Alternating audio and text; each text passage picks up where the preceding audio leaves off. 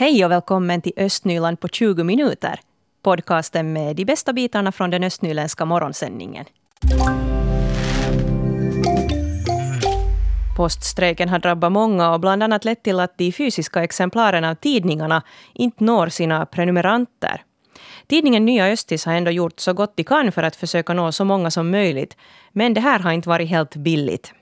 Vår reporter Rebecka Svedberg träffade Nya Östis chefredaktör Carita Liljendal på ett café i Lovisa igår på eftermiddagen för att höra hur dagarna har varit nu för tidningen sedan poststrejken inleddes. De har nog varit ganska hektiska faktiskt. Att telefonen har ringt i ett och det har varit massor med nya saker att lära sig och ta reda på. Att eh, just liksom eh, angående distributionsfrågor, att väldigt mycket nytt hade nog varit för mig. Men att om man nu ser det positiva som man lär sig, liksom mycket nya saker och så här. Men att äh, lite stressigt. Att inte skulle jag vilja att den här strejken skulle pågå allt för många veckor till. Så här konkret, hur, hur påverkas ni? Alltså det är ju det att tidningen kommer ju inte, når ju inte prenumeranterna sådär fysiskt till, till postlådan, att den kommer sen när den kommer och för sent. Tycker man ju, det är ju gamla nyheter och gamla annonser sen. Men att den finns ju att läsa på nätet. Så det där på det sättet, de som har tillgång till det så har ju den lösningen. Hur har ni försökt nu göra för att tackla de här problemen? Och nu har vi ju haft det förra veckan hade vi då att vi hade några buntar med 800 extra exemplar som var meningen då för prenumeranter att avhämta i Liljendal och, och Lovisa. Och så som sagt då är tidningen har vi och nu inkommande, alltså den här tidningen som kommer ut torsdagen den 21 så den delas som storspridning på lördagen 23 och någon, någon kan få den först på mån, alltså söndag förmiddagen. Före klockan 12 på söndagen ska allt vara utdelat. Och det är då ett annat bolag än Posten som vi har anlitat för att få ut nu ett, ett nummer i alla fall. Så att... Ja, du sa att, att du hoppas att den här strejken inte fortsätter, men hur går det med Nya Östis därpå följande vecka ifall strejken ännu fortsätter? Vi gör tidningar helt normalt till varje torsdag och den kommer alltid att finnas nu på nätet då som e-tidning, digital utgåva liksom tillgänglig åt alla som har möjlighet att läsa den på, på nätet. Det är det enda vi nu har sen ekonomiska möjligheter att, att ge ut den elektroniskt, att nu slutar vi med, med det här extra tryckande och, och de här extra storspridningarna för de har som sagt kostat sådär sex, mellan 6 och 8 tusen euro har vi räknat med, vi har inte fått alla fakturor ännu så. Men det är ganska mycket för en liten understödsförening. Ja, hur är det att stå på helt egna ben utan något stort mediebolag bakom? Man får nog ta till en massa kreativa lösningar men att när vår policy är ju det att vi, vi det där det ska gå ekonomiskt runt och vi ser till att vi inte vi har ingen möjlighet, vi, vi ska inte göra minus. Så det, det är mycket liksom att räkna ut och vara noggrann. Men att det har nog gått på det sättet bra. Och vi har ju också fått, många har tagit kontakt och sagt att de vill hjälpa oss. Det är bara det att det är praktiskt liksom inte riktigt möjligt att, att man kan inte ge ut prenumerationslistor åt människor, det är enligt lagen förbjudet. Och Men vad säger prenumeranterna annars? Är de förstående eller är de arga eller vad säger de? Alltså både och, men mest är de nog glada och tacksamma. Att nu har det varit någon som har varit lite sur och säger att det är ju sen gamla, gamla nyheter och en gammal tidning och, och att de har betalt för sin prenumeration men när man då sen förklarar att vi gör vad vi kan och att att det, där, det är ju posten som strejkar, att det är ju inte liksom vårt fel. Så är det nog ganska mycket förståelse. Alltså det här som har varit positivt nu så det har varit det här glädjande liksom att se ännu mer nu hur mycket, hur efterlängtad tidningen är, att hur människor vill ha den, att, att de är olyckliga när de inte får den och, och just liksom skulle vara redo att hjälpa oss till och med att dela ut den och, och fråga att vad kan man göra så här och så det har ju liksom visat att vi behövs. Och det sa Nya Östis chefredaktör Carita Liljendal. Nya Östis storspridning på veckoslutet delas inte ut till hushåll som har en skylt med texten ”Ingen reklam, tack”. Och det var Rebecka Svedberg som intervjuade Carita Liljendal. Borgå stad satsar stort på julen i år och det blir en hel del julevenemang. Nu på lördag till exempel så är det dags för traditionell julöppning i centrum och Borgo har i år också inlett ett helt nytt samarbete som ska bekräfta Borgos ställning som julstad. Och jag har nu här i studion Katarina Broas som är evenemangsplanerare här i Borgå stad och har koll på allt som berör julen. God morgon på dig! God morgon! Vad handlar det här nya samarbetet om som innebär att Borgo har fått den här titeln Den goda viljans stad? Uh, no ja, det är ju en, en följd av att um, Borgo som stad och, och som, eh, skulle ni säga, plats har redan länge jobbat med julen och evenemang under julen och, och skapa stämning inför julen och en stad som man besöker kanske just strax innan julen också. Och det här har då stiftelsen Joulupukki också märkt då. Och det, det är egentligen via det jobbet som har gjorts här i Borgå länge som vi har fått den här bemärkelsen. Mm. Och det har inte handlat om att ni har ansökt om det här, utan det, det, har gått till på annat sätt? Det har gått till på annat sätt, alltså helt, helt via diskussioner och sen har vi kommit överens om, om det här samarbetet. Och, och det där, Borgå som brand och som stad talar ju för sig själv redan att, att det där, det var inte så mycket som vi behövde göra för den saken. Mm. Och det här är då ett gratis samarbete för Borgå.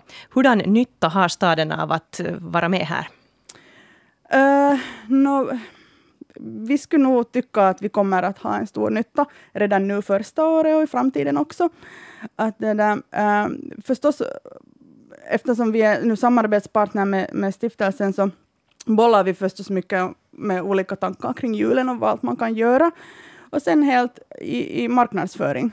Att det där, vi, vi får säga helt med en hög, hög röst och, och stort till alla att, att vi är den goda viljans stad och att, att Borgå faktiskt är en stad som är värd att besöka.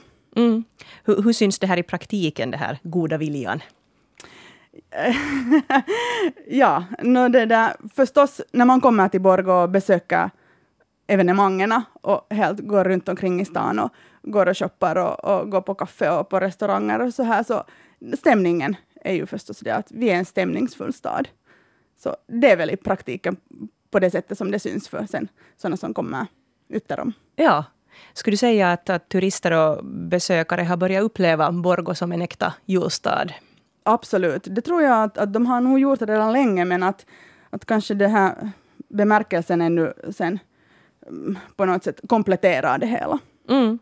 Och I samband med det här projektet så har ni också en egen maskot som figurerar lite på olika ställen här i marknadsföringen. Berätta om den här maskoten. Ja, alltså det är en, en rolig grej, nämligen um, den här stiftelsen, så, så med sådana samarbetspartner som de jobbar med, så brukar de komma, um, de liksom um, vi får en egen tomte, alltså ja. de som är, jobbar tillsammans med stiftelsen, och, och den här vår tomte så så äh, heter Fredde, eller Fredrik Flodbåt. Och, och det där, han är en tomte som passar väldigt bra in i Borgo. Uh, hans berättelse finns att läsa på stans webbsida.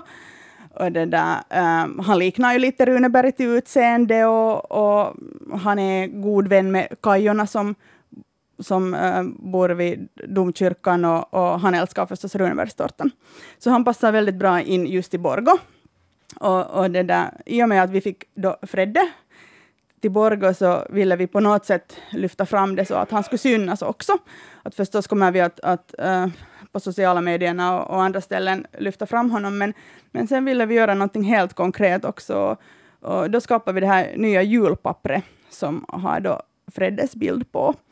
Och det här nya julpappret så det är ett sånt här försök, och så vi delar ut till våra lokala företagare en bunt av det här nya julpappret och, och då hoppas vi att, att Fredde syns på julpaketerna. Just hemma, det. hemma i, i Borgå förstås, de som kommer hit för att shoppa. Ja, så de packar in sina produkter här med Fredde på. Yep. Mm. Nå, hur stort har ni då satsat satsa på den här julmarknadsföringen i år? No, ganska stort, så stort som vi, vi klarar av med våra resurser. Att, att vi marknadsför främst i Helsingfors och huvudstadsregionen.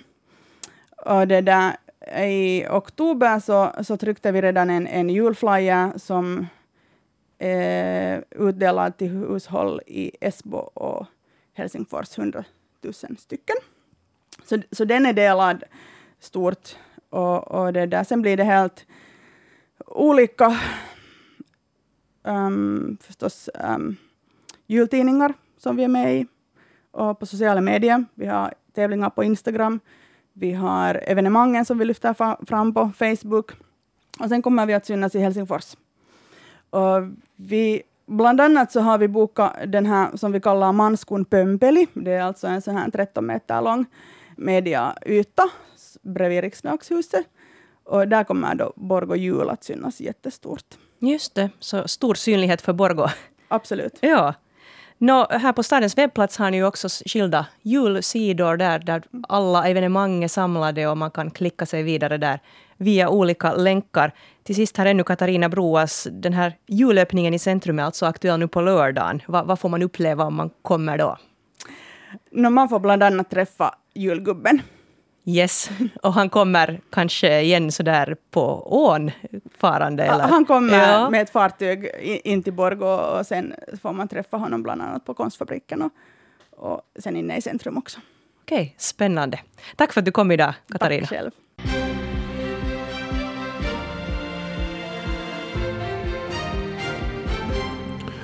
Klockan är halv åtta. Det här är nyheterna från Östnyland med Stefan Härus. God morgon. Det finns många osäkra faktorer i Lappträsk kommuns budget för nästa år. Det största frågetecknet är skatteintäkterna och statsandelarna som det råder stor osäkerhet kring. Kommunen budgeterar ändå med en ökning av skatteinkomsterna med drygt 350 000 euro. Statsandelarna skulle öka med närmare 400 000 euro. Investeringarna, som i år var cirka 900 000 euro, skulle nästa år vara hela 2,5 miljoner euro. Fullmäktige i Lappträsk tar ställning till nästa års budget vid sitt möte den 11 december. Tills vidare har 324 personer skrivit på adressen för att bevara byskolorna och daghemmen i Lovisa. Det är Hem och skolaföreningarna i Pärnu kyrkoby och Haddom som tillsammans har startat en namninsamling för att bevara de stängningshotade skolorna och daghemmen. Byskolorna är hotade eftersom Lovisa stad nästa år står inför hårda sparkrav. Förslaget är att lägga ner Pärnå kyrkoby skola, Haddom skola och Teutjärven koulu samt daghemmen i Kuggom och Pärnå kyrkoby. Man kan ännu skriva på adressen antingen på nätet eller på biblioteken i Lovisa. För första gången publicerar nomineringsjuryn för Runebergspriset en lång lista på eventuella pristagares böcker. De slutliga fem till åtta kandidaterna för priset väljs sen från långlistan. De slutliga kandidaterna för Runebergspriset 2019 offentliggörs den 12 december och vinnaren utses på Runebergsdagen den 5 februari nästa år. Det är också den dagen man överräcker priset till vinnaren i Runebergs hem i Borgo. Runebergspristagaren får en prissumma på 10 000 euro och priset understöds också av Borgå stad. Så kan vi nu berätta att Annika Immonen har valts till servicedirektör för vuxenavdelningen vid stadens social och hälsovårdssektor. Uppgiftsområdet omfattar öppenvårds och mottagningstjänster eh, som främjar välbefinnande och hälsa, sysselsättningstjänster och miljöhälsovård. Sammanlagt nio personer sökte den ordinarie tjänsten. Ansökningstiden gick ut den 30 september. Den nya direktören inleder sitt arbete den 1 januari. En kvinna i 50-årsåldern försvann i Strömfors på lördagen och polisen har nu slutat söka efter kvinnan där i området efter tre dagars fruktlöst letande. Och vår reporter har pratat med kriminalkommissarie Markus Hammarström. De här akuta eftersöken är gjorda och där har det varit både, både polisen och, och Räddningsverket och, och och det här Vapepa har varit, varit och leta, leta och sökt men det, där, det har nog inte lett till något resultat.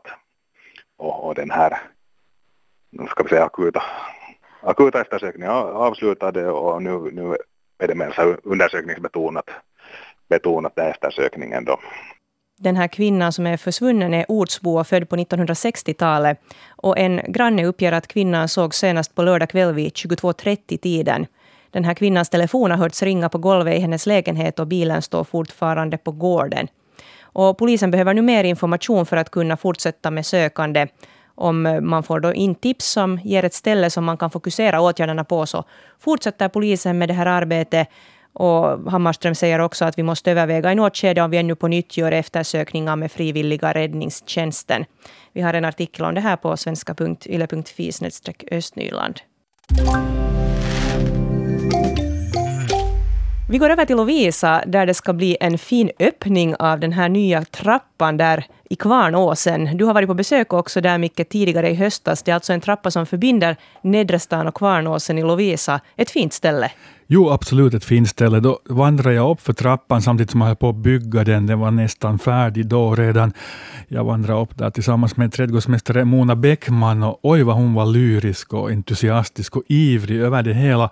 Och, och visst, hon har helt rätt. Det finns dessutom en video på vår webbplats om ni vill söka fram den, där man faktiskt ser hur den här trappan mycket fint slingrar sig upp för åsen och in i en mycket sån här intressant, vad ska vi säga det, lokal mikrobiotop som man kanske aldrig inte annars skulle kunna studera på så där nära håll. Det vill säga, eh, där växer mossa eh, på, på ett mycket speciellt sätt eh, längs med på stenbumlingar och runt stenbumlingar. Och man vandrar en stund där, nog en sån här smaragdgrön sagovärld, nästan. Och, och, och, och vad heter det? Ja, hon säger att meningen är att man ska nå den här fantastiska mossbiotopen längs med den där trappan. Då. Och så finns där en plattform halvvägs där man har en fin utsikt över Lovisaviken och, och sen förstås när man kommer eh, ännu högre upp så ser man ännu mera av, av det fina landskapet där kring åsen. Mm. Och den 14 november så meddelar stan att trappan är klar och nu blir det alltså invigning på måndag klockan 10. Vad ska hända då? Oj, det ser ut att hända en hel del. Öppningstal förstås. Museiintendenten Ulrika Rosendahl svarar för den. Uh, sen uppträder en förskolegrupp från Harurinten koulu och så ska invigningsbandet klippas av. Och så ska man komma ihåg att applådera där då. Kanske jubla, slänga upp hattarna i luften, jag vet inte. Men uh, det ser ut att hända en hel del. Sen ska man ännu vandra omkring där uppe på åsen och se på olika fina ställen där. Ja, och här är också en idrottsinstruktör på plats som ska visa lite hur man kan utnyttja trappan i motionering. Så man kan väl säga att ja, kanske någon form av liten motionstrappa det här också kan bli sen i framtiden. Nu kan det säkert bli det också, men jag, på något sätt fick jag nog den här känslan mer av att det här är en sån här mera meditativ trappa som man går sakta uppför och begrundar lite hur, hur vacker naturen plötsligt kan vara på, på ett helt annorlunda sätt, bara för att, ja, för att den har bestämt sig för att här är det bra att, att um, mossa till det hela. Så det kan hända att någon annan trappa passar bättre om man vill ha pulsen där vid 200? no, nu får man den där också, upp, upp till 300 om man vill också. Mikael Kokkola är morgonreporter idag. God morgon. Ja, god morgon, god morgon. Börjar du få julstämning? No, nej, nej, jag, egentligen tänkte jag igår att uh, nu gäller det nu att försöka undvika att få julstämning. ja, jag brukar inleda där vid lilla jul. Då, då börjar jag plocka fram adventsstaken och, och lite sådär smått julpynt som ungarna tycker att det är roligt att ha framme. Så mm. att det, det, får vara en officiell inledning för mig. Men som vi nämnde här för en stund sedan så är det alltså julöppning nu på lördag i Borgå centrum. Och Lovisa satsar ju också på julen en hel del. Det gör de. Ja, de, de har kommit ut här och berättat. I år till exempel så är det fem nya eh, uh, Lovisa-hem som öppnar sina dörrar där och, och, och man får titta in och, och, se på stämningsfulla gamla, gamla hem och hus och, och hur de har då julpyntat och förberett sig för, för högtiden. Det har varit ganska populärt, det är ju lite en, så att säga, en pendang till det här med Lovisa historiska hus. Eh, och två veckoslut, 7 till 8 december och 14 till 15 december, då, så, så är de här eh, hemmen öppna för, för besökare. Eh, allt som allt jag räknar till att det är ungefär ett, ett 20-tal hem som, som ställer upp och fem då nya. Ja, det är ju intressant. Har du varit på någon sån här julvandring i folks hem? jag tror att jag äh, som reporter har varit en gång och, och hälsat på hos några hem. Ja. ja. Äh, mycket mysigt. Äh, invånarna tog väl, väl hand om sina gäster, besökare. Äh, bjöd på glögg och pepparkaka tror jag det var. Och, och så ja. här. Det var det var ganska lugnt och stämningsfullt. Östnyland på 20 minuter är en Svenska Yle-podcast. Det finns flera poddar på arenan. Jag heter Katarina Lind. Tack så mycket för sällskapet. Vi hörs.